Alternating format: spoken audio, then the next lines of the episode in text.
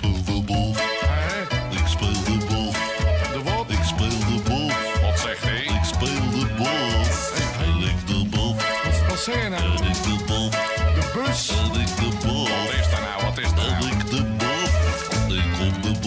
Yes, je luistert weer naar een nieuwe aflevering van Basgasten, de podcast waarin ik in gesprek ga met bekende Nederlandse, Belgische en internationale bassisten over hun keer, carrière en de mensen die ze hebben gevormd tot de bassist die ze zijn. Basgasten wordt mede mogelijk gemaakt door De Bassist, het magazine voor de Nederlandse en Belgische bassist. En in deze aflevering hoor je Simon Kassier. Simon is natuurlijk de bassist van de gekke Belgische band Balthazar. En ik sprak hem voorafgaand aan hun concert in het Paard in Den Haag. En ik ben benieuwd naar het toeren met Balthazar en naar Simons legendarische Hufner collectie.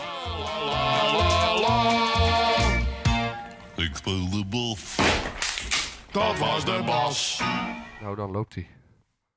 Hey Simon, Hallo, goedemiddag. leuk om je te ontmoeten. Ah, Ik, eh, ik kom wel eens bij mensen die, eh, die ik dan al een beetje ken, of, eh, ja. maar we kennen elkaar nog helemaal niet. Nee, klopt. Ehm, ik vroeg eh, onlangs op mijn Facebookpagina van, ik zit niet zo in de Belgen, Ja.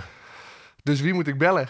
en toen kwamen meerdere mensen met jou aan zitten. Ah, leuk, Dus toen leuk. dacht ik, eh, ik ga het gewoon proberen. En toen, nou, ik speel toevallig nu een paar dagen Nederlands. Ja. Dat is voor mij net even wat makkelijker. Ah, tof, Dus tof. eh, ja, super fijn. wie, wie hadden ze nog voorgesteld? Heb je even? Eh, eh, Vincent Pires natuurlijk, Bo Ah, ja, ken ik. eh, En eh, Michel Hatsi Georgiou, of hoe je het ook uit Ja, mag ja, ja. spreken. Van Akamoon. En eh, pff, nog een paar van eh, eh, gasten dat ik dacht, oh ja, die zijn ook wel heel erg te Ja, gek. ja. Ah, cool. Dus eh, er komen nog wel meer Belgen langs, maar je bent eh, ben de eerste. je mag het spits al bij. ah, leuk. Super gaaf. Ehm, ik wil meteen even beginnen met een luisteraarsvraag. Eh, want eh, dat vroeg ik me ook af. Eh, Adam die vroeg aan mij, eh, hoe spreek ik in godsnaam zijn achternaam uit? Is het Cassier of Cassier? Allebei mensen, Kazier. Moet eigenlijk de S uitspreken als een Z. Oké, Vraag me niet waarom, maar het is nee, ja, iemand heeft dat ooit eh, bedacht dat je zo. Ja, waarschijnlijk. Ja. En de S van Simon is wel gewoon een S. Ja. Ja, precies.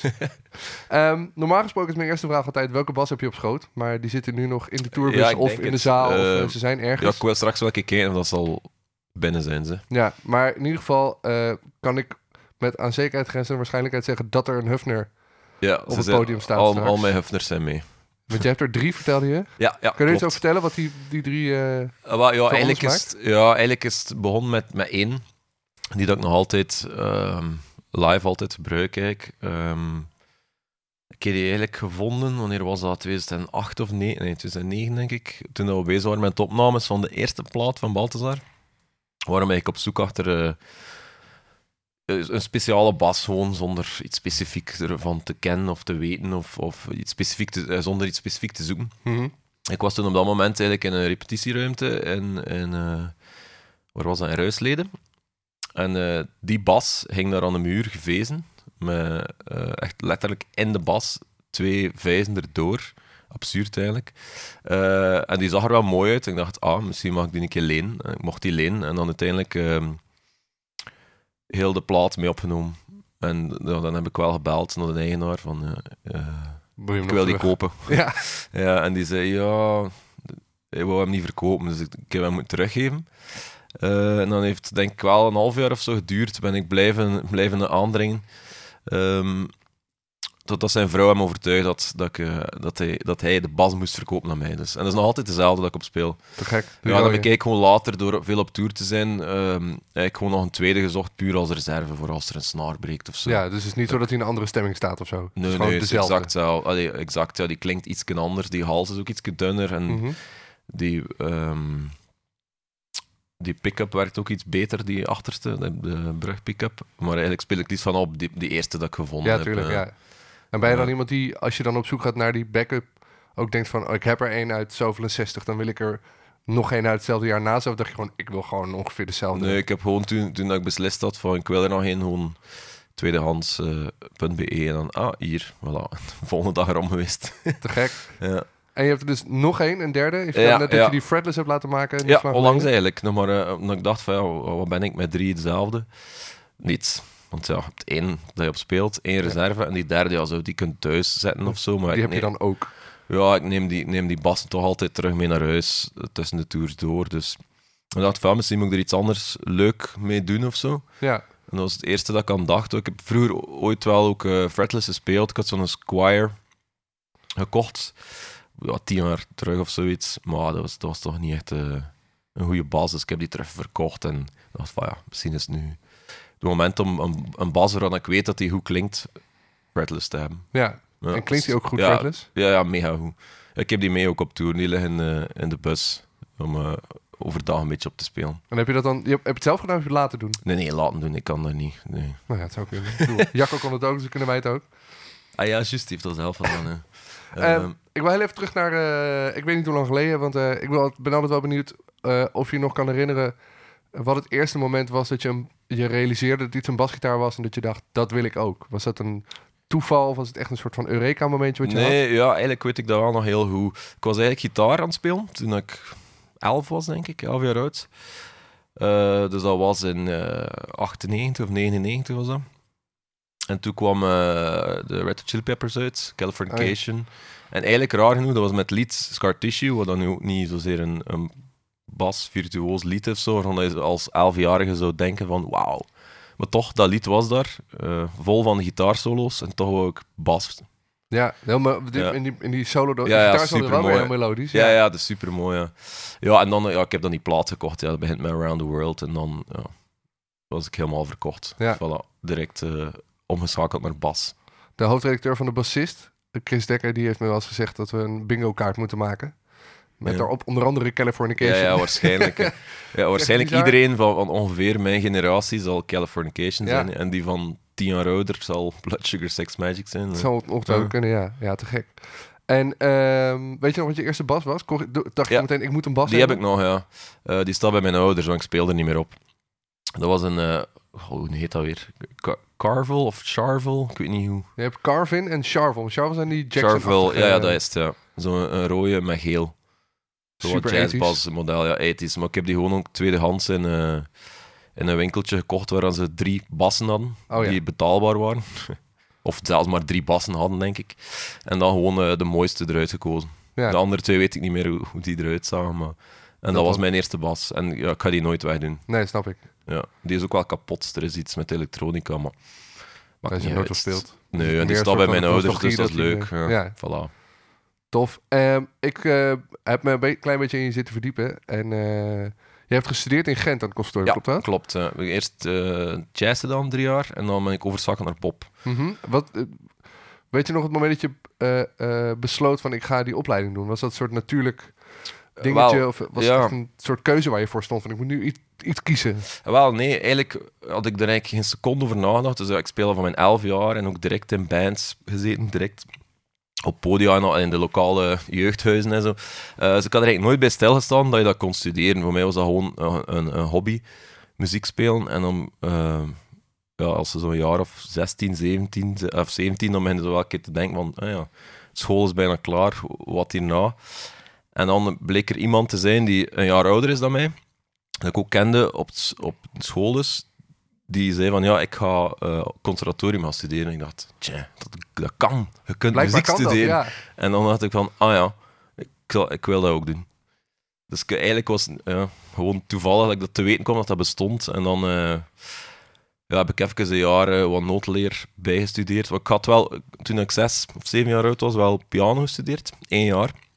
Dus ik wist wel iets van notenleer.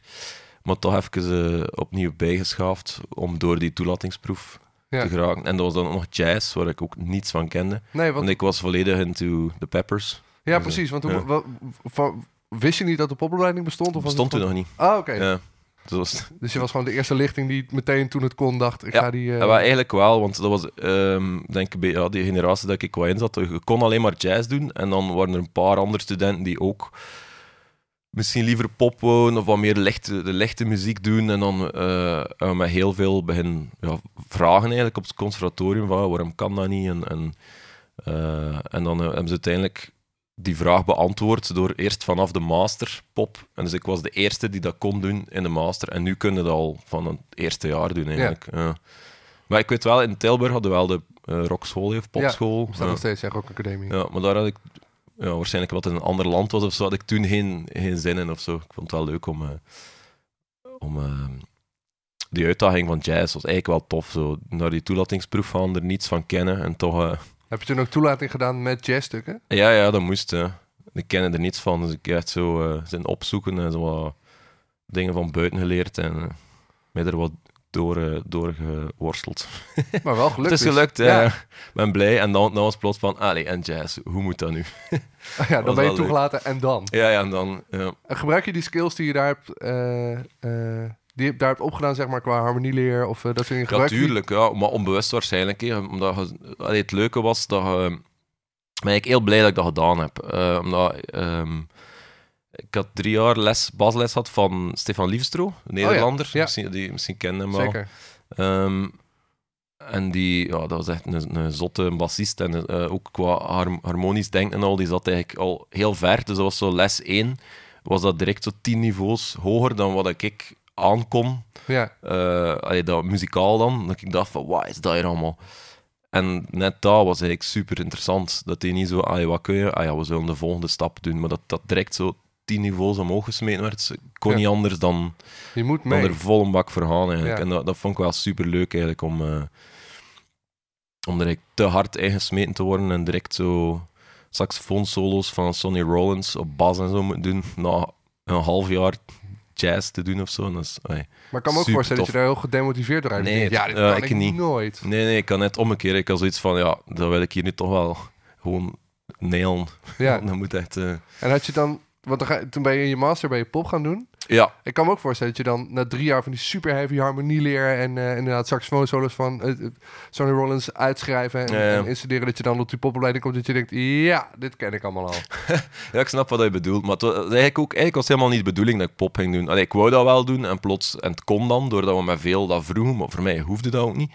Omdat ik het eigenlijk wel interessant vond. Eigenlijk was ik echt van plan om nog twee jaar jazz bij te doen. Maar dan ehm, had ik mijn eh, eindexamen van de bachelor jazz Ja. gedaan. En dat was, dat, dat was heel raar. Dat examen was klaar. Ik was super blij ermee. En dan dacht ik van... Ah, dat was eigenlijk een, mo- een mooie afsluiter. Ja. er- en dan, dan had ik beslist, ah ja, maar dan zal ik pop doen. Ja, Gewoon- dan, gewoon dan om- iets anders. Ja, en dan hebben we ook ehm, ja, gewoon andere muziek. En ook, allee, ik was ook gewoon naast het conservatorium ook voornamelijk met popmuziek bezig. Dus ergens was het ook logisch om, om dan pop te studeren. Maar ik heb mij nog niet beklaagd. Maar zo, soms denk ik ook wel, wel wow, als ik toch nog twee jaar jazz Ja. verder gedaan had. Maar ik ben eigenlijk wel blij dat ik van beide dingen heb kunnen doen. Studeer je dat nog wel eens, die jazz eh liedjes en eh, gewoon maar ik ben nu- om je techniek op peil te houden? Of... Wat, het is eigenlijk grappig dat je zegt. Ik Ben nu, ehm, doordat ik nu die fretless heb, onlangs, die fretless Huffner, ben ik eigenlijk nu wat dingen het terugstuderen dat ik vroeger studeerde. En ik dacht van ja, dan moet ik nu toch, zo, vooral uh, Jacob Pastorius, dan ben ik nu eigenlijk terug begonnen, eh Donna Lee, eh, zijn versie, terug Ja. opnieuw aan het leren op fretless dan. Inclusief solo? Ja, ja, maar ik, zei, ik heb die op het conservatorium gedaan al, hè. Ehm, op een examen. He- gewoon heel de versie eigenlijk. Eh, dus die zit wel nog ergens in mijn vingers. Dus ik vind, ik ben nu eigenlijk echt twee weken geleden terug begonnen ermee. eh, om die opnieuw te leren. Eigenlijk. En dat, is, Ja. dat is wel het is gek om te merken dat dat toch nog snel terugkomt in uw Ja. motorische geheugen. Van, ah ja, juist, zo was dat. Pup. En, Ja. en ook super interessant opnieuw op fretless. Maar ik kan me ook wel voorstellen dat het op zo'n Huffner wat toch een soort van heel specifiek ding is of zo. Ja. Dat je dat misschien, ik weet niet wat, wat voor fretless je toen had, maar Ja, toen heb ik, het- had ik het zelfs niet op mijn fretless gedaan. Of zo, geval gewoon dat- op mijn jazzbas. hè. ja, maar dat het toch op zo'n Huffner toch een ander halsje is, ander mensuur. Ja, dat ja, klopt, Dat ja. ah shit, ik, mijn, mijn spiergeheugen Ja, ja. zegt dat ik dit moet doen, maar dat gaat helemaal niet, want dan wordt het Ah, ja, vals. nee. Of, Ja, nee, dat, dat lukt. Dat, dat was eigenlijk, maar ik speel ook al tien jaar zo vaak op mijn Huffner dat ik die ook gewoon, ja, die ken je al gewoon. me- ja, beter Ja. ken intussen dan, dan mijn jazzbas. Ehm, nee, dat was eigenlijk geen probleem. Ehm, Het is maar short scale, ja, ja, short ja. scale, ja. Ja, het is, ja, het is super tof om dat nu opnieuw te leren. En ik ben nu ook, ehm ik heb nu niets met bas te maken, maar ik ben ook sinds een jaar of zo bugel beginnen leren spelen. Oh, echt? En het is ook tof om zo wat jazz-stukjes zo... well, ik ben heel slecht hè, in bugel, maar ik vind het wel interessant, een interessante manier van denken. Hoe komt er mensen erbij omdat je denkt, ik ga een instrument erbij spelen? Het is, ik ga bugelen, het is een prachtig instrument, Ja, maar het is het eerste waar je aan denkt. Ja, maar om de reden dat je zegt, het is een prachtig instrument. Nee, ik wou, ik wou eigenlijk ehm, een blaasinstrument leren, koperblaasinstrument leren. Zoveel zijn er nu ook weer niet.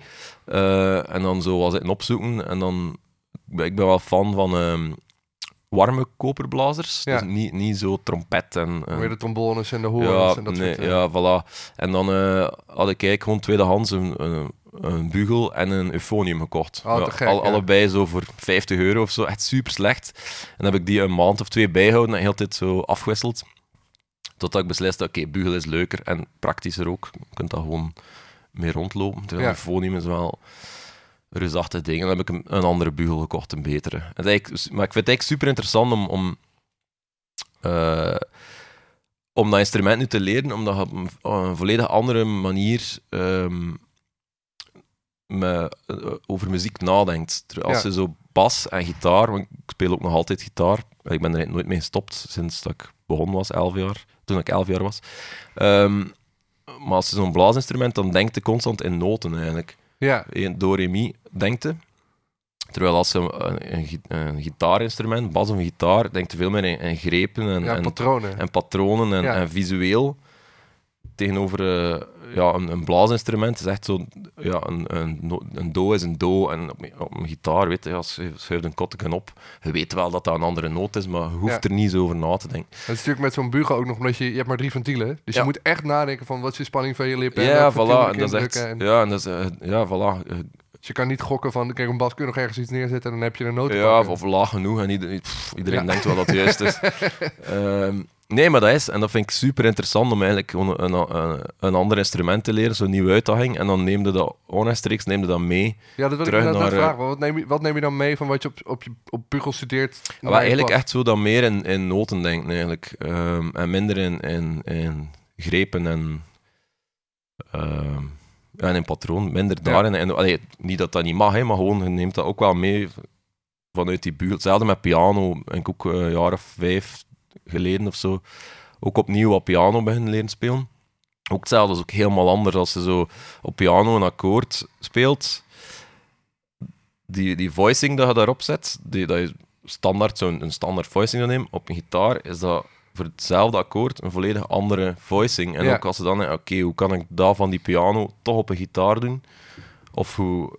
Omgekeerd vind ik niet zo mooi wel. Ik heb keer geprobeerd om zo een, eh, een open E-akkoord op een gitaar, zo exact die voicing op een piano, piano, dat is ja. heel lelijk. Dat is echt zo, dat is saai over, ook, dat is over drie, oc- drie octaven gespreid. Ja. Heel saai, inderdaad. Voilà. Terwijl piano in er veel kunnen veel mooiere dingen doen. ja, dus misschien dat het dan dichter bij elkaar ligt. Ja, die voilà, spanning binnen akkoord veel makkelijker Maar een gitaar is daar eigenlijk niet per se voor gemaakt. En dan kom je weer uit bij zo jazz voicings en zo, voor Ja. gitaar. En, en, ook, en dan neem je dan ook mee naar bas en zo. Vind ik het eigenlijk super interessant om, om, om andere instrumenten ook te leren. Ja, gewoon die benadering dan te, Ja. die, die benadering van de muziek te veranderen. Ja, voilà. Ik vind het wel grappig dat je tussendoor heb je het dus, eh, je hebt het over een do is een do. En heel veel Nederlanders denken dan, waar gaat het over? En ja, wat is dat in Neder ja? C, denk ik. Ah ja, C, ja, dat, ja, ken dus ik is, ook. ja. eh, het is het Franse nootsysteem, Ja, voor zover ik weet. Ja, maar wij, wij- in België gebruiken we dat eigenlijk allemaal door elkaar. Door re, mi, fa, sol, la, si Net en, en C, taal in E. België, zeg maar. Ja, voilà.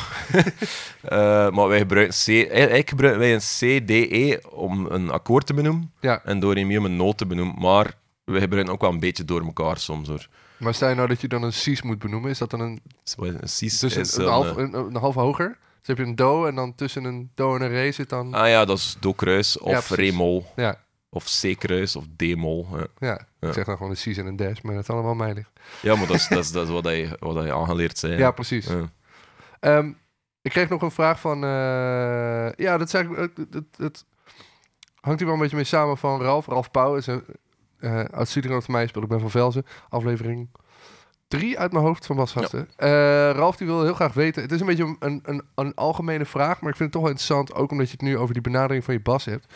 Hij zegt, wat zijn zijn gedachten en visie... op het bedenken van zijn partijen? ja, niet te veel, gewoon... eh, eh, gewoon een gevoel.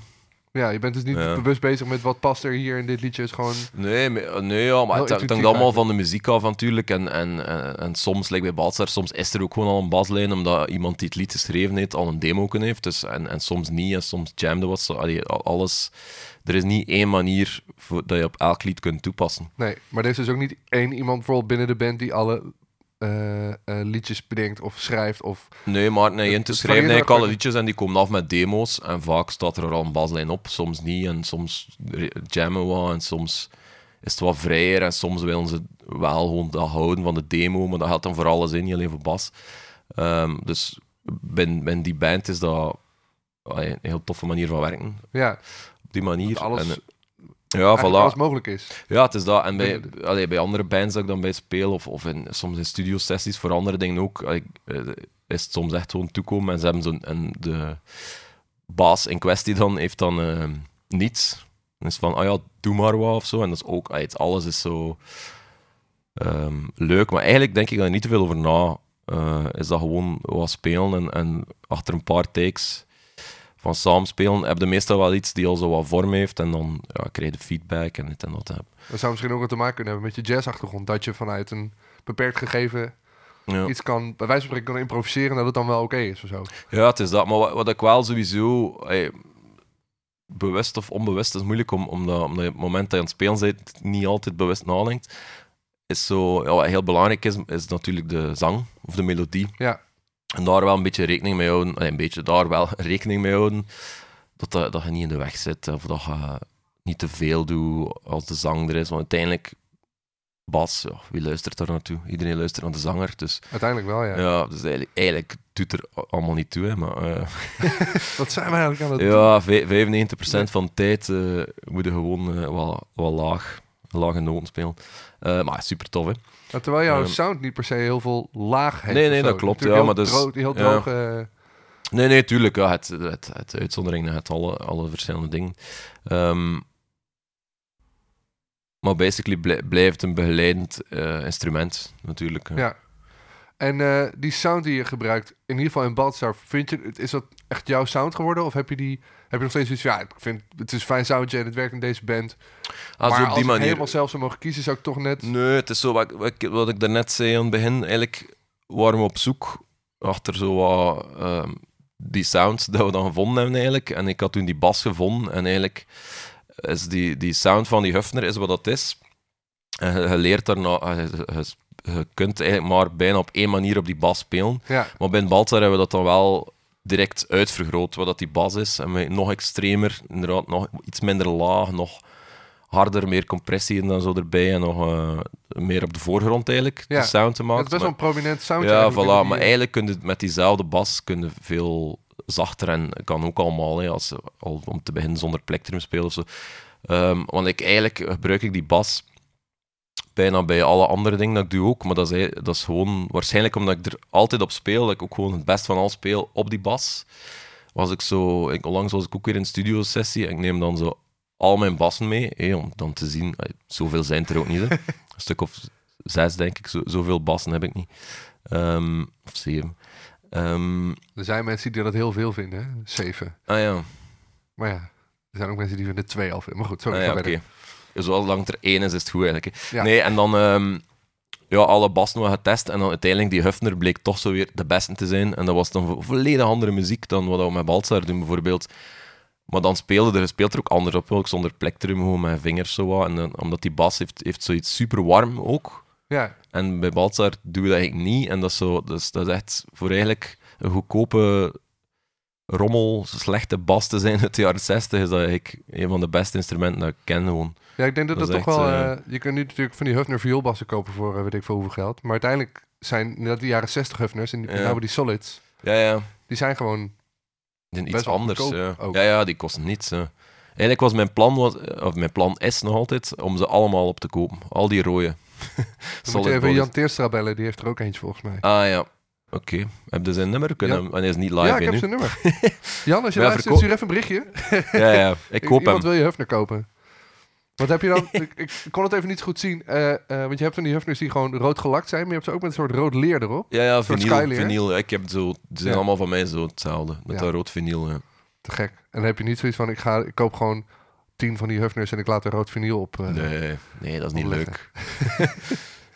Heb je het gevoel dat dat iets doet met de sound? Want er zijn mensen die denken, ah, je kunt, alles horen. Het soort lak wat erop zit of de inlays. Of, Goh, ik vind dat moeilijk. Ergens geloof, ergens geloof ik dat eigenlijk wel. Oh, lak nu misschien niet, maar eh, vreemd genoeg, ik heb ook wel op witte gespeeld.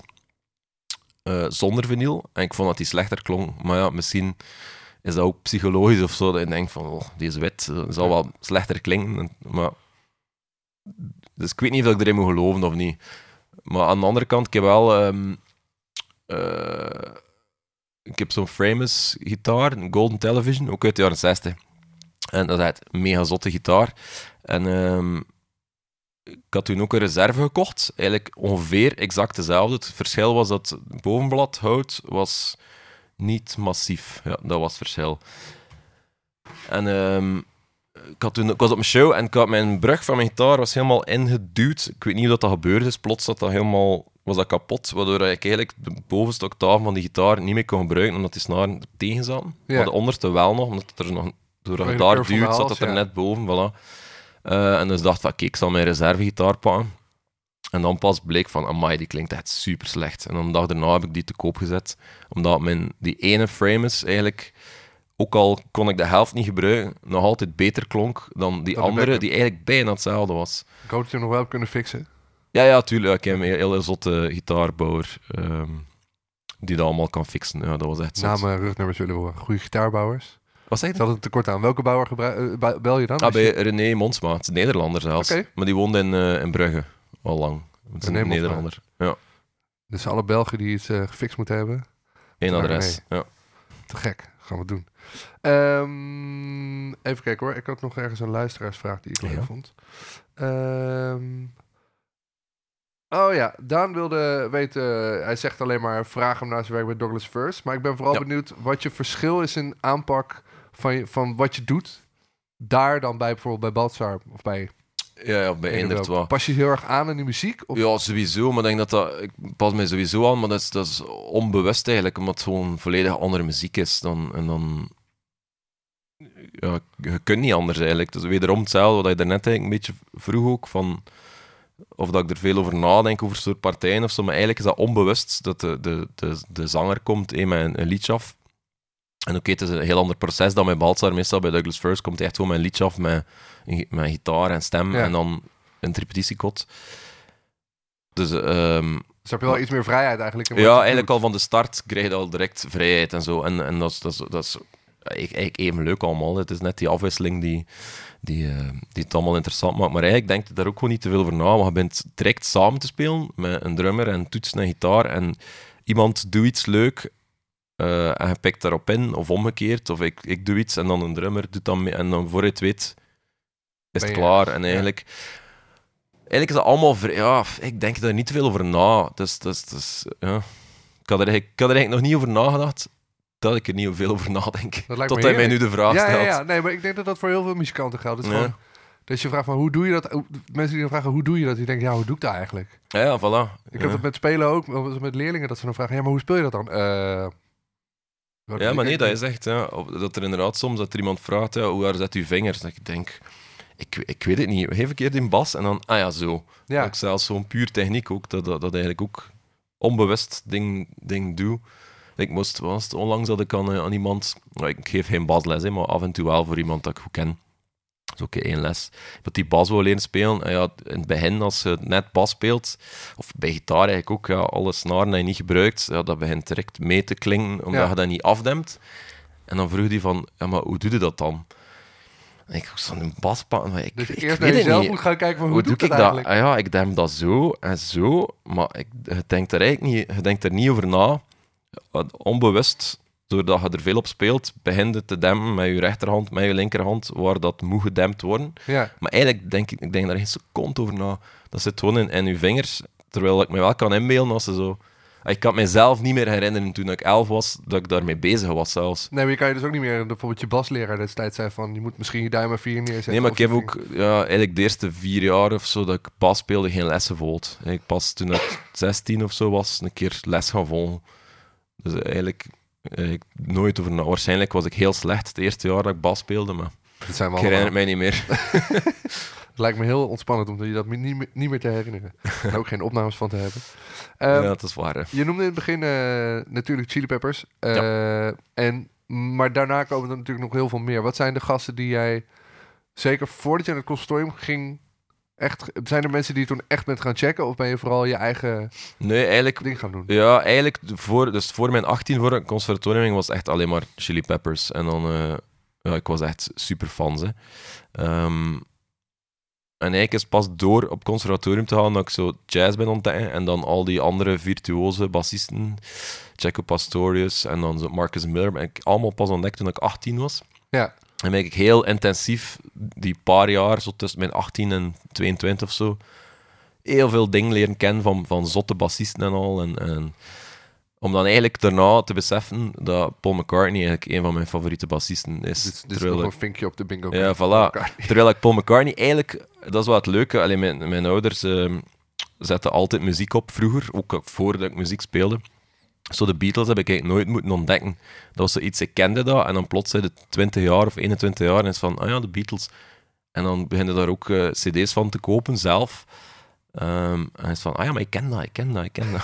gewoon omdat dat zo Het tien jaar... tien thuis op. En, ja, eh, ja, en dan plots is dat zo van, ah ja, natuurlijk, maar geniaal. Ja, en dan ga je natuurlijk ook op een andere manier luisteren. Want dan Ja. weet je ineens waar je naar moet luisteren. Behalve gewoon dat je de liedjes kent. Ja, en maar het is, ik vond het gewoon leuk om zo heel die conservatoriumperiode, lo- eh, los van eh, het, het schoolgegeven en hetgene dat je moest studeren, om daarnaast ook gewoon ja, Jaco Pastorius te doen Paul, en dan Paul McCartney, maar dan ook zo, ik weet niet die naam niet, maar zo Jamiroquai, al die, die bas. Ja, Stuart Zender uit die Ja, die- voilà. Dat is ook allemaal zotte dingen. Van Beck, eh, Justin... Meldon Johnson. ja, voilà, Johnson. Ook allemaal super zotte dingen eigenlijk gedaan. En, eh, of zelfs Zappa. Ik was mega Zappa-fan toen. Nog Die- van een specifieke periode. Ja, of Mothers of Invention. En dan eigenlijk alles, ja, eigenlijk alles tot 73. Of, of wa- wanneer, wanneer is dat? Shake Your Booty is 4 of 75 of zo. Nou, alles tot en met Zappa. daar. Ja, shit, tot, dan was die al solo. Hè. Ehm, maar ook die, die basding daarop, ook, ook altijd andere bassisten geweest. Hè. Maar eh, ook heel coole dingen eigenlijk. Ik heb op mijn examen zelfs een, eh, de Zombie Woof gedaan. Van, Echt? ja, ja zo'n lied van 9 minuten of zo. Het heel cool. Het lijkt me wel bijzonder dat je dan denkt... Wat ga ik op mijn eindexamen doen? Zappa. ah ja, tuurlijk. En dan heb je, ben je dan ook iemand die dat dan allemaal gaat zitten uit, uitschrijven? Ja, deze wel, ja. En dan, ja. Want dat was echt, ja, maar ik weet niet of je het lied kent, de Zombie Woof. Het zegt me nu even zo snel niks, maar... Nee, maar het is heel, een heel gek lied. Eh, en dat is wel tof. playlist, in de playlist Ja, voilà. Maar en in datzelfde examen heb ik dan ook ehm, Everybody Here Wants You gedaan van allee, eh, Jeff Buckley. Ja, wat dat eigenlijk ja. maar één noot is. Allee, en dan dat klein filletje. Oh ja, Dat is altijd... dat is van die plaat die E, nooit is E. uitgebracht en toch is uitgebracht. dat kan, ik weet niet op welke plaat dat staat. sketches volgens mij staan Needle Grace. En dat zijn Ja, ah, ja, inderdaad. Ja. En ook dat op een basexamen doen. Ik vond dat wel heel cool. Om gewoon een one-note song. Eh, en daarna dan de Zombie Woof, waar dat heel veel noten zijn. Ehm, En dan en zo die verschijnen. En ik speel eigenlijk even graag. Ik speel eigenlijk super graag gewoon één noot. En dan eh, vijf seconden later nog een noot. Maar dan even graag, eh, wat ik daarnet vertelde, ja, nu Donna Lee terug aan het leren. En, eh, voor mij is er dan geen verschil in. Het is niet, ik ben niet zo iemand die hoeft veel noten te spelen of, of dat net uit de weg gaat of zo. Maar het is wel leuk om te doen. Ja, tuurlijk. Maar En- even leuk als één noot. En oefen je dat dan in de tourbus? Nee, hier straks in de, in de backstage. Oh ja. ja. Dan zeg je, bent, bent, bent Maarten dan van, hey, eh, speel eens even gewoon een liedje. Of hebben ze gewoon, ik kan me voorstellen dat, dat je dat aan het studeren bent. Ja, en maar dan mijn koptelefoon. Hè, dus. Dat is nog erger, dat je dat gerammel wordt. ja, ja, dat is zeker op mijn fretless. Ja, Nee, dat is waar. dan Maar het is beter dan dat ik bugel oefen, denk ik wel. Want dat is wel luid. Ja. Tenzij je hebt zo'n eh, van die eh silent brass dingen. Ja, ik weet dan- het, maar die, dat paste niet meer in de kist, dus dat ligt thuis. Dat neem ik niet mee op toe, want ik zou dat alleen maar Weet je bugel wel mee op tour? Ja, ja, maar ik speel erop ook tijdens de show. Oké, tof. ja. Was dat een, eh, een ding wat je er doorheen hebt gedrukt? Of zei de band van, hey, wat leuk dat je dat speelt? Nee, nee, ik heb dat er doorheen gedrukt. Ik had die net gekocht en ik dacht van, ik, kom, ik wil een uitdaging, ik wil dat hier op het podium doen. Voilà, en dan was was van, oh ja, het is oké. En dan de, de, eerste vijf, de eerste vijf shows was dat heel lelijk en dan op duur beginnen dat wel te kunnen. Maar het voordeel is, doordat ik dat nu doe, dat ook nog, nog meer uitgedaagd wordt om meer te oefenen en zo. Ja, ja, je wordt natuurlijk gewoon zelf beter omdat je... Ja, doe elke avond opnieuw. Eh, jullie spelen overal en nergens en nu een paar dagen in Nederland. Ja. En ehm, ik, het viel me op toen ik deze vraag stelde eh, op mijn eigen Facebookpagina van... hey, noem mij wel Belgen, want ik, ik, ik ken ze niet zo goed. Ja, ja. Ehm, dat kan aan mij liggen, maar ehm, eh, ik ben benieuwd wat voor jou of voor jullie als band... of voor wat het verschil is met tussen het- in België spelen en Nederland spelen. Is het publiek heel anders? Of komen er meer mensen in België omdat jullie een Belgische band zijn? Wat, hoe, hoe, hoe zie je dat verschil? Goh, dat is een moeilijke vraag. Ik- ehm, Ik denk dat er niet zoveel... Ja, jullie babbelen wel veel meer in Nederland. Zeker weten, ja. Ik denk dat dat wat het enige verschil is, maar beide landen zijn wat- qua publiek wel zo wat gereserveerd, niet, niet al te uitbundig. Mhm. Ah Als ik maar vergelijk met, met Oost-Europa of, of Zu- Zuid-Europa, daar, dat zijn echt wel de, de wildste eh, mensen in het publiek. Ja. Eh, maar tussen België en Nederland eigenlijk niet. Hè. Het is ook, ah, we zijn ook buurlanden, we hebben dezelfde taal. Allee, hoop dat iedereen mij gaat begrijpen natuurlijk, maar Dat ook niet, dan eh, jammer dan. ja, voilà. Ehm, maar dus voor de rest niet, nee, jullie babbelen meer, dat is alles. Ja. Heb je- heb je of Belgen zijn te stijl, dat kan ook. Heb je daar last van tijdens de show? Mensen die doorheen praten? Nee, nee, ik toch niet. Ehm, wel, we spelen toch met in-ears, dus eigenlijk hoorde daar niet zoveel. Het is maar als er een stil lied is of zo, dat je dat wel hoort van... Maar jullie zijn geen band die dan de show stillegt en zeggen even... Gasten, we staan hier gewoon te spelen. Ah, en, ja, eh, eh, soms, als het echt veel is. Maar, maar het valt meestal wel mee, hoor. Maar meestal, het probleem is eigenlijk dat in Nederland... Ik denk dat ik, denk dat ik weet waarom dat, dat jullie meer praten tijdens de show dan in een ander land, omdat de bar meestal in de zaal is. ah, ja. En dat is vaak in België niet.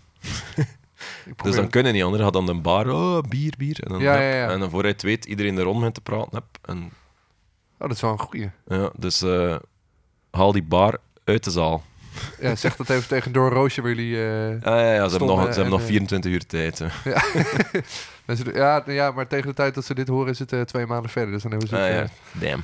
eh, ach ja. Maar vooral iedereen die van plan is om een nieuwe popzaal te bouwen... niet de bar in de Ja, zaal. klopt. Het zal vast commerciële overwegingen hebben, maar... eh, Sowieso, ja. Eh, je zei, we spelen op in-ears. Ja. Eh, ik doe het zelf niet zo vaak, maar ik mis dan altijd mijn eigen laag.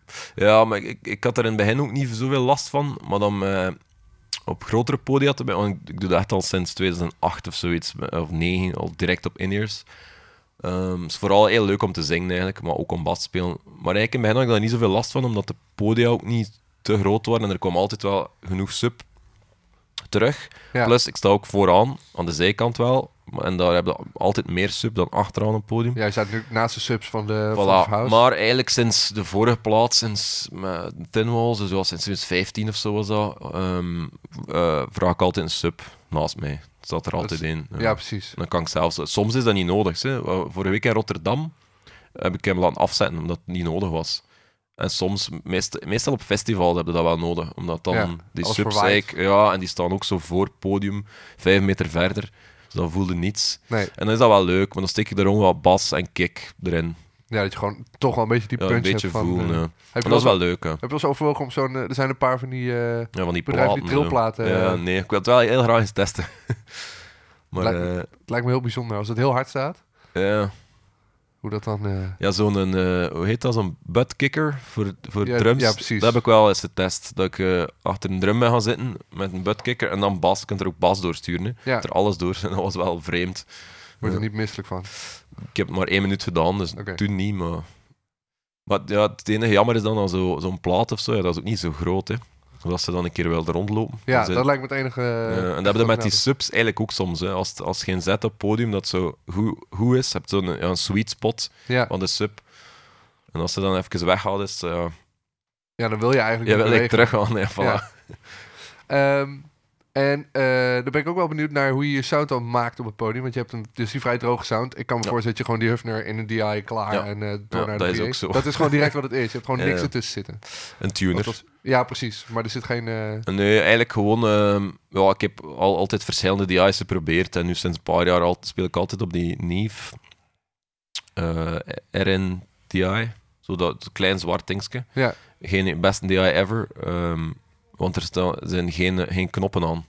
Geen, geen pad of niets. Dus je kunt niks. niets misdoen. het is gewoon er doorheen en Ja, klaar. en klaar. En dan... ehm, ik heb nu wel sinds, sinds deze tour, sinds de Fever Tour, mijn pedalboard wel uitgebreid. eh, met wat reverb en eh, overdrive. Maar dat zit op een split channel. Dus eigenlijk is dat gewoon... De bas blijft hetzelfde. En, als ik, en dan heb ik daarnaast gewoon een mute pedaal. Kies ik gewoon reverb of eh, drive. En dan zet ik die aan of af naar de PA. Ik mute dat zelf. komt gewoon, niet, komt gewoon signaal bij eigenlijk. Ja, Oh. maar dat is dan super low cut, hè, want anders zitten we weer met faseproblemen en al. Dus, en dat is ook stereo en mega low cut. En dat is wel tof, want dan heb je zo, als toch een keer wat reverb wil, zoals ja, Fever en zo, is dat wel. Ehm, maar het is hè, maar dat doet wel iets. Ehm, Als dat wel leuk om-. Ja, voilà. Waarschijnlijk staat bij mij luider dan dat Dat in de zaal staat. Ja. Maar ik vind dat niet erg, dat is tof. Allee, dat is inderdaad iets, le- iets leuk. Ja, dan kan ik me ook voorstellen dat als je reverb, als je, zeker als je dat soort effecten als reverb op drive doet, dat je ook echt anders gaat spelen. Dat je Ja, moet op het effect gaan spelen natuurlijk. Ja, ja, tuurlijk. Ja, ook al zit het gesplit, toch, toch heb ik dat... Omdat, we hebben daar wel even eh, naar gezocht, eigenlijk, naar de juiste reverb, de juiste drive om, om de bas aan te vullen. Want eigenlijk, als je die in solo hoort, dus zonder de... Want je kan ook de bas afzetten en enkel het Mhm. effect uitsturen. Gewoon met een tuner, je kunt met de twee kanalen kunnen kiezen. Ehm, is dat eigenlijk helemaal niet mooi. Echt super lelijk. Ja, Maar als ze de bas erbij zet, dan denk je van, ah, wauw. maar meestal is het probleem bij effecten, vind ik, dat als je dat in je chain steekt, dat je gewoon meestal wel laag, laag verliest. ja, Of bij reverb, ja, dan kun je de, de wet niet te hard zetten, want dan ja, wordt het diffuus en zo. ja. En nu kan ik die wet dan gewoon volledig open. En wat staat er tussen? Welke reverb en drive zou je bij hebben uitgekomen? Ja, een eh, Strymon Blue Sky reverb en die, eh, die andere weet ik niet wat die heet. Die heeft dus zoiets met het logo op van de Sovjet-Unie. Iets dat ik nog eh, gevonden had van- bij mijn broer. Er Oké, staat geen naam op. Allee, wel het onderaan een naam, maar ik weet, ben het vergeten. nee. Het is iets, volgens mij is het iets dat ooit iemand... eh, het ziet er toch uit alsof dat iemand dat ooit in de 90s of de 80s zelf gemaakt heeft. ja, Zo ziet het eruit. Ja, het is echt zo met verf erop. En al, je ziet, voor mij is het een knutselproject en geen idee van Maar waar het hij komt. klinkt slecht genoeg om... eh, Hij, kli- hij klinkt eigenlijk supergoed, maar hij, hij, hij, hij, hij klinkt supergoed voor waar dat hij... voor, voor waar die voor nodig is. Ja, voilà. En, en het voordeel van die Strymon is dat je die, die wet helemaal kunt openzetten en die stereo. Ehm, dus dat is wel cool. Je hebt ook wat opties, maar ik gebruik maar één optie, gewoon de Ja, plate. te Dat is wel tof, en ik ben eigenlijk helemaal geen effectenmens op podium, liefst van al eh, niet. Nee, Maar nu voor deze plaat mocht het wel eens, dus het is wel leuk dat ik dan op die manier gewoon... eh, lijkt me wel wonderlijk, omdat een drive heeft meestal een... eh, heeft echt de, de werking van die speaker nodig. Als je Ja. het gewoon direct in een, in een tafel gaat steken, dan krijg je een soort van... Ja, maar zo klinkt het ook wel. Hè. Als het Ja, maar nu is het dus nodig ook. Dus ja, omdat dat toch een split is. Die Ja. drive klinkt echt gewoon... Maar Ja. als je er een bas bij steekt, is dat precies of dat een bas gewoon een, een heel coole drive heeft. Vet. Dus dat is wel tof. Ehm, en je bent, wanneer ben je afgestudeerd? Eh 2010 dat is tien jaar geleden. Ja. Wauw. Al even geleden. Ja. Realiseer je wel eens dat je denkt, oh ja, dat is echt heel Dat lang ik oud geleden. ben. Ja. Nou, dat, dat durf ik niet te zeggen, want ik ben maar twee jaar later afgestudeerd. Maar, Ah, ja. nee, maar dat je denkt van, oh ja, shit, ik kan me nog, ik, tussen aanstekens, ik kan me nog herinneren dat ik studeerde en hoe dat eindelijk samen ging. Dat je denkt, oh, het, is echt wel, het is echt wel lang geleden. En ik ben dus nu al tien jaar prof, eigenlijk. Ja, ja. ja, dat is zot, hè. Ik vergeet dat soms wel. Ja. En de, tij- de tijd vliegt. Heb je het gevoel dat je eh, heel erg veranderd bent als muzikant in die tijd? Goh, waarschijnlijk wel, ja. Ik- Om, er zo specifiek iets, een voorbeeld of zo van te kunnen geven, denk ik niet. Maar eh, ja, het, ehm, je leert nieuwe mensen kennen, je doet andere dingen, je doet in de studio of zo, dat je dingen doet dat je niet altijd tof vindt, dat je toch doet. Daar, Hey, eh, dus eigenlijk- eigenlijk blijf je nog een beetje op het conservatorium zitten zonder examen dan. Ja. Dat je ja, constant in andere situaties terechtkomt en ehm leerde daarvan wel bij. En, dan, en als, als dat niet meer is, dan moet je, eh, wat ik daarnet zei, zelf een nieuwe uitdaging zoeken om, om, om jezelf fris te houden. Ja. Ik, wat ik bijvoorbeeld ook super leuk vond, was. eh, eh, wanneer was dat? Ja, een jaar of twee geleden of drie geleden dat we met Walter even aan break waren. En dan Ja. heb ik met Zimmerman eigenlijk mijn eigen plaat gemaakt. En daar speelde ik gitaar en geen bas. En ik heb toen een jaar bijna geen bas gespeeld. Maar ik had dat ook niet door. Dat was zo van, ah ja, ik ben nu gitarist plots. En dan was dat, kwam dat plots toch terug. Met, met Baltzar zijn we dan terug bij repeteren voor de Fever-plaat. En met Douglas Furs ook een nieuwe plaat. En dan had ik terug mijn bas vast. Dat was van, mai, hoe tof is dat instrument. Ja, En plots is er een, een nieuwe liefde ontdekt voor, het is voor bas. al heel lang ja, ik ben echt blij dat ik dat ja, onbewust weliswaar gedaan heb. Heel weinig omdat ik gewoon constant gitaar zat te spelen en eh, live en zo. Ik had geen bas mee. En, en ik kan het eigenlijk iedereen aanraden. Maar ja, als, Even, even een jaar geen bas spelen. ja, maar dan moet je wel iets anders doen natuurlijk. Ja, en dan is het wel leuk om muziek te kunnen blijven doen natuurlijk. Maar is het dan lastig als je die soloplaat maakt om dan die bas eh, taken een beetje uit handen te geven? Het lijkt mij al... Nee, want eigenlijk staat er... Nee, het is allemaal, het is allemaal bas synth op de plaat. Dus, Oh ja. En er staat één, één lied op de plaat wel, eh, wel met bas. Maar dat heb ik dan zelf ingespeeld. En de rest... En live was het ook allemaal bas synth. Dus ik heb dat ook een beetje bewust gedaan. Maar ik dacht, van, ik, had, ik had ook zin om gitaar te spelen. En ik vond bij de muziek vond ik een bas like, precies niet nodig of zo om er basgitaar op te zetten. Dus dat was maar eigenlijk... synthesizer. eh, ja, voilà. Het is ook eens iets anders. Misschien bij een volgende plaat dat wel... eh, We hebben bezoek. Hallo? We hadden bezoek. Ja. Ehm, Ehm. ik ben even benieuwd ook naar die... eh, want je, je speelt live alleen maar door de. Ja. Eh, ik denk niet dat er veel bassisten zijn die dat doen. Zonder echt een preamp ertussen. Of, eh, Ah, ja, ja. of een speaker achter je of weet ik veel.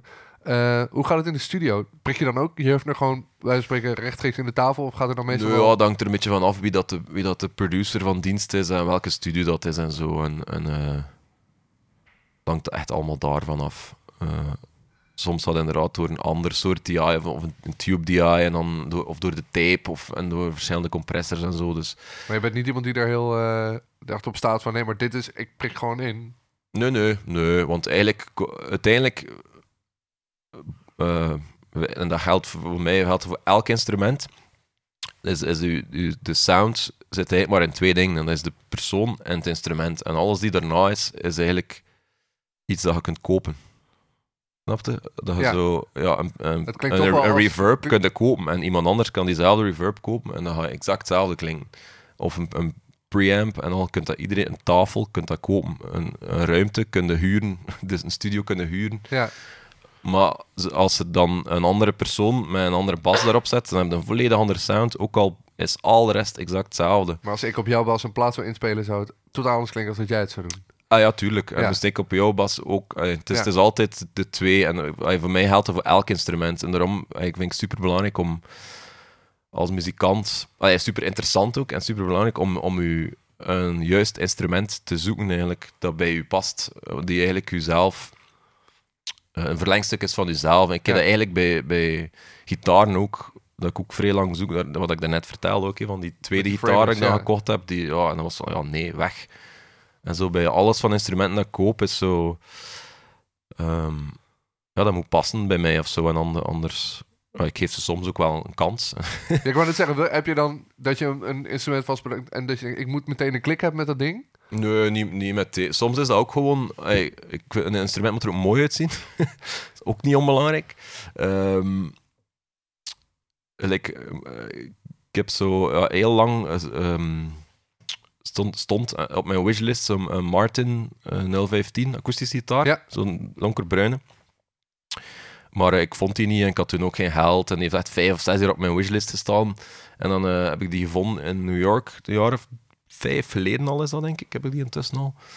En eh, ik wist op voorhand al dat ik die ging kopen, ongeacht hoe dat die klonk. Maar ik had er ooit wel op gespeeld, op, op eenzelfde... van, ik moet dat ding Ja, hebben. voilà. En dan was dat effectief in die winkel toekomen, zo één akkoord, C-mineur. Eh, wat het- ja, C-mineur is juist voor jullie, dat verstaan jullie. Ja, dat klopt. Ja. Maar als je domineur zegt... Domineur, ja, dat was het. ja. Eh, mijn favoriet akkoord. Was van, ja, ik koop hem. En die verkoper dacht echt van, nee, dat, dat kan niet. maar ik wist dat ik die wou. Ik was al vijf jaar aan het, in, in Europa vonden die niet. Het is zo'n hele oude. En, ehm, en dan hetzelfde ook, ik had dan daarna, ik dacht oké, nu wil ik die kunnen versterken ook op een podium. Zo'n een pick-up gekocht voor erin. Zoiets LR Bags, zo die, Ja, die blonde, wit. Ja. En ik, ik stak dat daarin en ik keek naar die gitaar en ik dacht, amai, die gitaar is plots heel lelijk.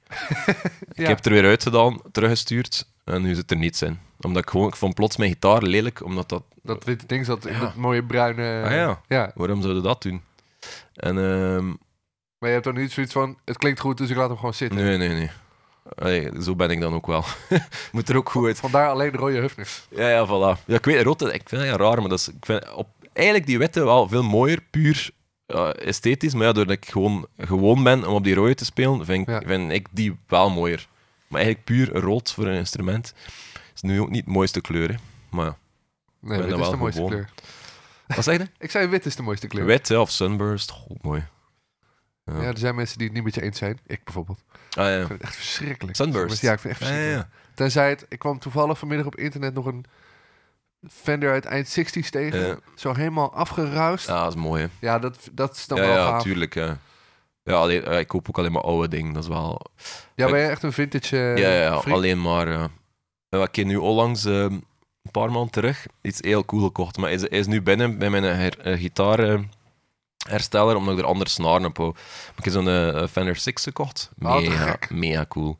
Echt zo'n oude ook. Ja, ja, ja, ik koop niets nieuw. Ehm, maar ook, ik was er ook heel lang naar op zoek, want die Ja. zijn er nogal prijzig. Prijzig Eh, en zeldzaam. Ja, voilà. Dus ik heb eigenlijk eh, een hele goede, goede koop kunnen doen. Ehm, Welk jaar is hij uit? dit is van 67, die Ja. dat ik heb. ja. Ja, die van begin jaren 60 zijn nog duurder. Ja. En eigenlijk heel weinig verschil.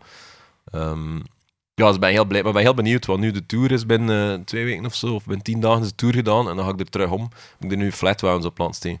Dus ik ben wel. Ja. heel benieuwd. eh, hopelijk blij- blijf ik hem leuk vinden. ja, ik heb er ook één gehad. En ze zijn wel Ook heel een vet. oude, of, nee, eh, nee, ik had zo'n Japanse reissue Ja, ja, ja. die ook wel heel goed was. Ja, ja, waarschijnlijk wel. Maar eh, ik denk dat er nu wel mensen zijn die denken, een Fender 6, wat is dat? ah, ja. Dat zijn eigenlijk gewoon... Het, het ziet er een beetje uit als een hele grote Fender Jaguar met drie elementen. ja. En allemaal een octaaf lager. Ja, het, precies, het is precies een octaaf lager als een gitaar. Ja. Maar je kan er dus ook akkoorden op spelen. Net als bij gewone gitaar. dat en dan wel heel het. cool. Ja. Wat ik wel heel bijzonder vind. Terwijl het, nou, het is net zo laag als een basgitaar Ja, eigenlijk. ja, kunt, het is eigenlijk een, een, een zesnarige bas, Ja. zonder dat die lager kan. Ja, precies. En dat, is- dat vind ik wel, wel tof, omdat je zo... Ja, je speelt er ook direct anders op. Je speelt erop... Als je bas wil erop spelen, doordat dat die, de snaren zo dicht op elkaar zitten, je speelt zo direct ook andere soort van, van lijn. Ja. Dat instrument... Hey, wat ik daarnet vertelde, van je moet een instrument zoeken die bij je past, is omgekeerd eigenlijk ook. Je moet soms ook een instrument zoeken die je om iets anders te doen. Ja. En, en daarom dat, ik- dat ik die eigenlijk wou. Omdat Dat ik gewoon wist van, ja, dat is iets... dat- Ik, ik, een precision of zo heb ik niet. Ook omdat die nogal... Die zijn wel heel duur als ze zo'n oude wil. Want jazzbas heb ik wel. En ik heb zoiets van, weet je, ik heb een jazzbas en precision. Oké, ja, dus, tuurlijk is dat anders. Maar het is ook geen gigantisch verschil. Als je dat vergelijkt met, dan, met eh, een Hufner of die Fender 6 of zo. Dat is wel een volledig ander instrument eigenlijk.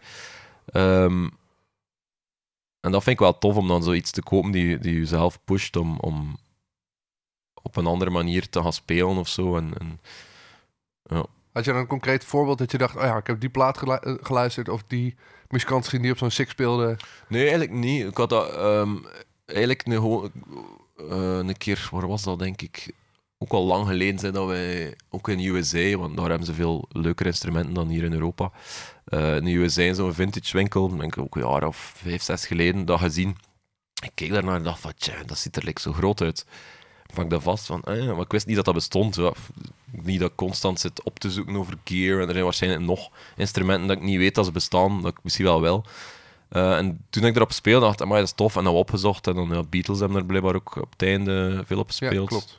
Cure ook, maar de Cure gebruikte dat vooral als gitaar dan. En, ja, en dan heb ik dat op mijn, op mijn eh, wishlist gezet. Heb je echt een fysieke wishlist thuis? Ja, ja, op mijn gsm. Ja, echt? dat je denkt, als ik in een stad ben waar ze waarschijnlijk leuke gitaarwinkel hebben, ga ik even kijken Ja, of ik er... heb vanmorgen al opgezocht hier in Den Haag. Eh, oh, en er zijn er een- paar in een paar winkels. Ja. Maar ik zag op de website niets dat ik wou, dus dacht ik, ga ook niet gaan.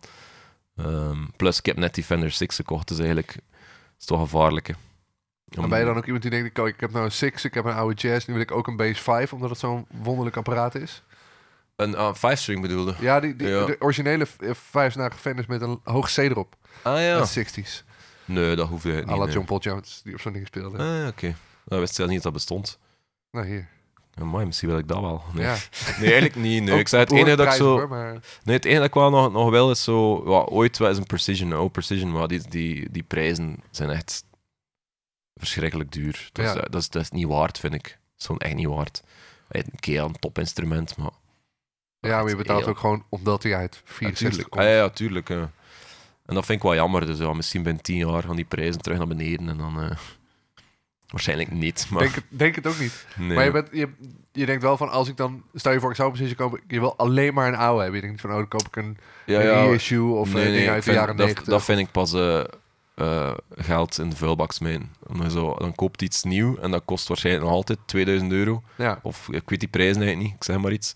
Ehm, maar ja, en dan ja, klinkt minder goed. Je hebt 2000 euro betaald en, Zodra de en winkel wil het, ja, voilà, is die, die daalt in waarde gewoon. Ja, Dan betaal ik liever 4000 euro voor iets die stijgt in waarde. ja. Ja. daar vinden nog altijd geen oude precision voor natuurlijk. Maar En ben je dan... Ik wilde vragen, je dan ook iemand die hecht aan originaliteit. Maar dat is ook Nee. niet zo omdat je die Hufner bijvoorbeeld hebt laten ontvetten. Dat maakt je dan dus niet uit. Nee, dat maakt me eigenlijk niet uit. Want eigenlijk, mijn, de Hufner dat ik mijn Baltzar is, allee, dat ik altijd op speel, Ja, die, die knoppen zijn niet ja, die, voilà, die knoppen zijn ook al niet meer origineel. Nee, omdat ik zoiets zeg van, ja, ik, koop het om bij te houden en ik koop het niet per se om, om te verkopen. Ah ja, misschien zeg ik ben eh 40 jaar wel iets anders. Dan wil ik misschien wel alles verkopen. Voorlopig in ieder geval niet. Voorlopig niet, dus ik krijg het heel waar aan originaliteit. Nee. Ehm, eh, van die, bijvoorbeeld mijn, die frame ziet daar ook, zijn, zitten er ook al twee andere stemsleutels op. Ook van de vorige eigenaar en zo. Maakt mij allemaal niet uit. Als het goed klinkt, is het goed. En, al, en als het iets oud en iets mooi is die goed klinkt, dan, dan ben ik blij eigenlijk. Maar als dat dan een andere stemsleutel... Uh, Pickups vind ik wel iets anders, want dan, dat is wel deel van de sound natuurlijk. Van, klinken, ja. ja, voilà. Maar als dat dan een andere bedrading of zo, of een andere brug erop zit. Eh, maar ik weet, ik zo'n. ehm eh, ik kan even zien. Een Duosonic Fender gitaar. Ook een paar jaar geleden gekocht. En, eh, maar die brug is eigenlijk niet meer zo goed. Het is wel een originele. En het was dan, die zit er wel nog altijd op. Maar het was mijn gitaar. eh, hersteller die zei van ja, laat het er nog maar even op zitten. Het is zonde om er een betere brug op te steken. Dus voorlopig Ja. zit hij er wel nog op. En maar als het is geen zo die hem natuurlijk. En, ja, voilà. Maar ik bijvoorbeeld bij mijn jazzbas heb ik de, hoe heet dat, de slagplaat, hetzelfde woord in Nederland. Ja. heb ik er afgehaald eigenlijk. Ik vond dat niet zo mooi. Dus die, ik heb een, een witte, Ja. Allee, die is geel eigenlijk. Ja, terecht. Ja, en ehm, ik heb, toen ik die kocht ook, ik heb die trouwens hier in, ah nee, we zijn niet in Nijmegen, in eh Paul's Space Matters gekocht. Oh ja, ja. Eh, Welk jaar is die ja. uit? Mijn jazzbas is van 71 en die, ik heb die gekocht een jaar of 12, 13 geleden of zo. Dan zou het heel goed kunnen dat ik wel eens met die bas gespeeld heb. Ah ja. Wacht, ik zat... Nee, het is nog langer geleden. Ik zat in het eerste jaar conservatorium. 2006. Ja, het is Heb ik 14 die gekocht. Ja. Ja, En Paul, bij Paul. Maar hij had er toen veel. ja. nog steeds wel. Ja, ja Maar maar ik vind het jammer. wel dat je, als je de slagplaat nog hebt, dat je hem nog ja, ik heb hem nog, ja. En de wijsjes ook, die heb ik erop Oké. getaped. Ja, precies. Dan hoop ik dat je de slagplaat er nog op krijgt. Want het is van hetzelfde Ah, dat ja, zo. Oh ja. Maar ja, maar ja, Maar ik ga die nooit verkopen, dus die slagplaat kan ik eigenlijk even in de vuilbak gooien. Of aan de muur hangen. aan de muur hangen. Nee, maar ik vond dat, ik vond dat vooral, dat was niet zozeer esthetisch, want je ziet, de, je ziet nog altijd de slagplaat erin. Ja, die kleur- verkleuring. Die verkleuring is helemaal anders. Maar ik vind dat handiger voor als je met vinger speelt, voor je duim op de hals-pick-up te zetten. Als die Ja. slagplaat er niet is, heb je Oh meer meer ruimte. ruimte, Ja, eigenlijk. dat is eigenlijk daarvoor dat ik dat gedaan heb. Tof. Ja. Eh, Simon, ik vond het super tof eh, om even met je te praten, uurtje. En eh, ik hoop dat je fijne shows hebt de komende paar dagen. Dat zal zeker Allemaal zijn. uitverkocht, volgens mij. Ja, klopt. Hè. Ja, Te gek. Plezant worden. Ja. Heel fijn. Dankjewel, man. Merci.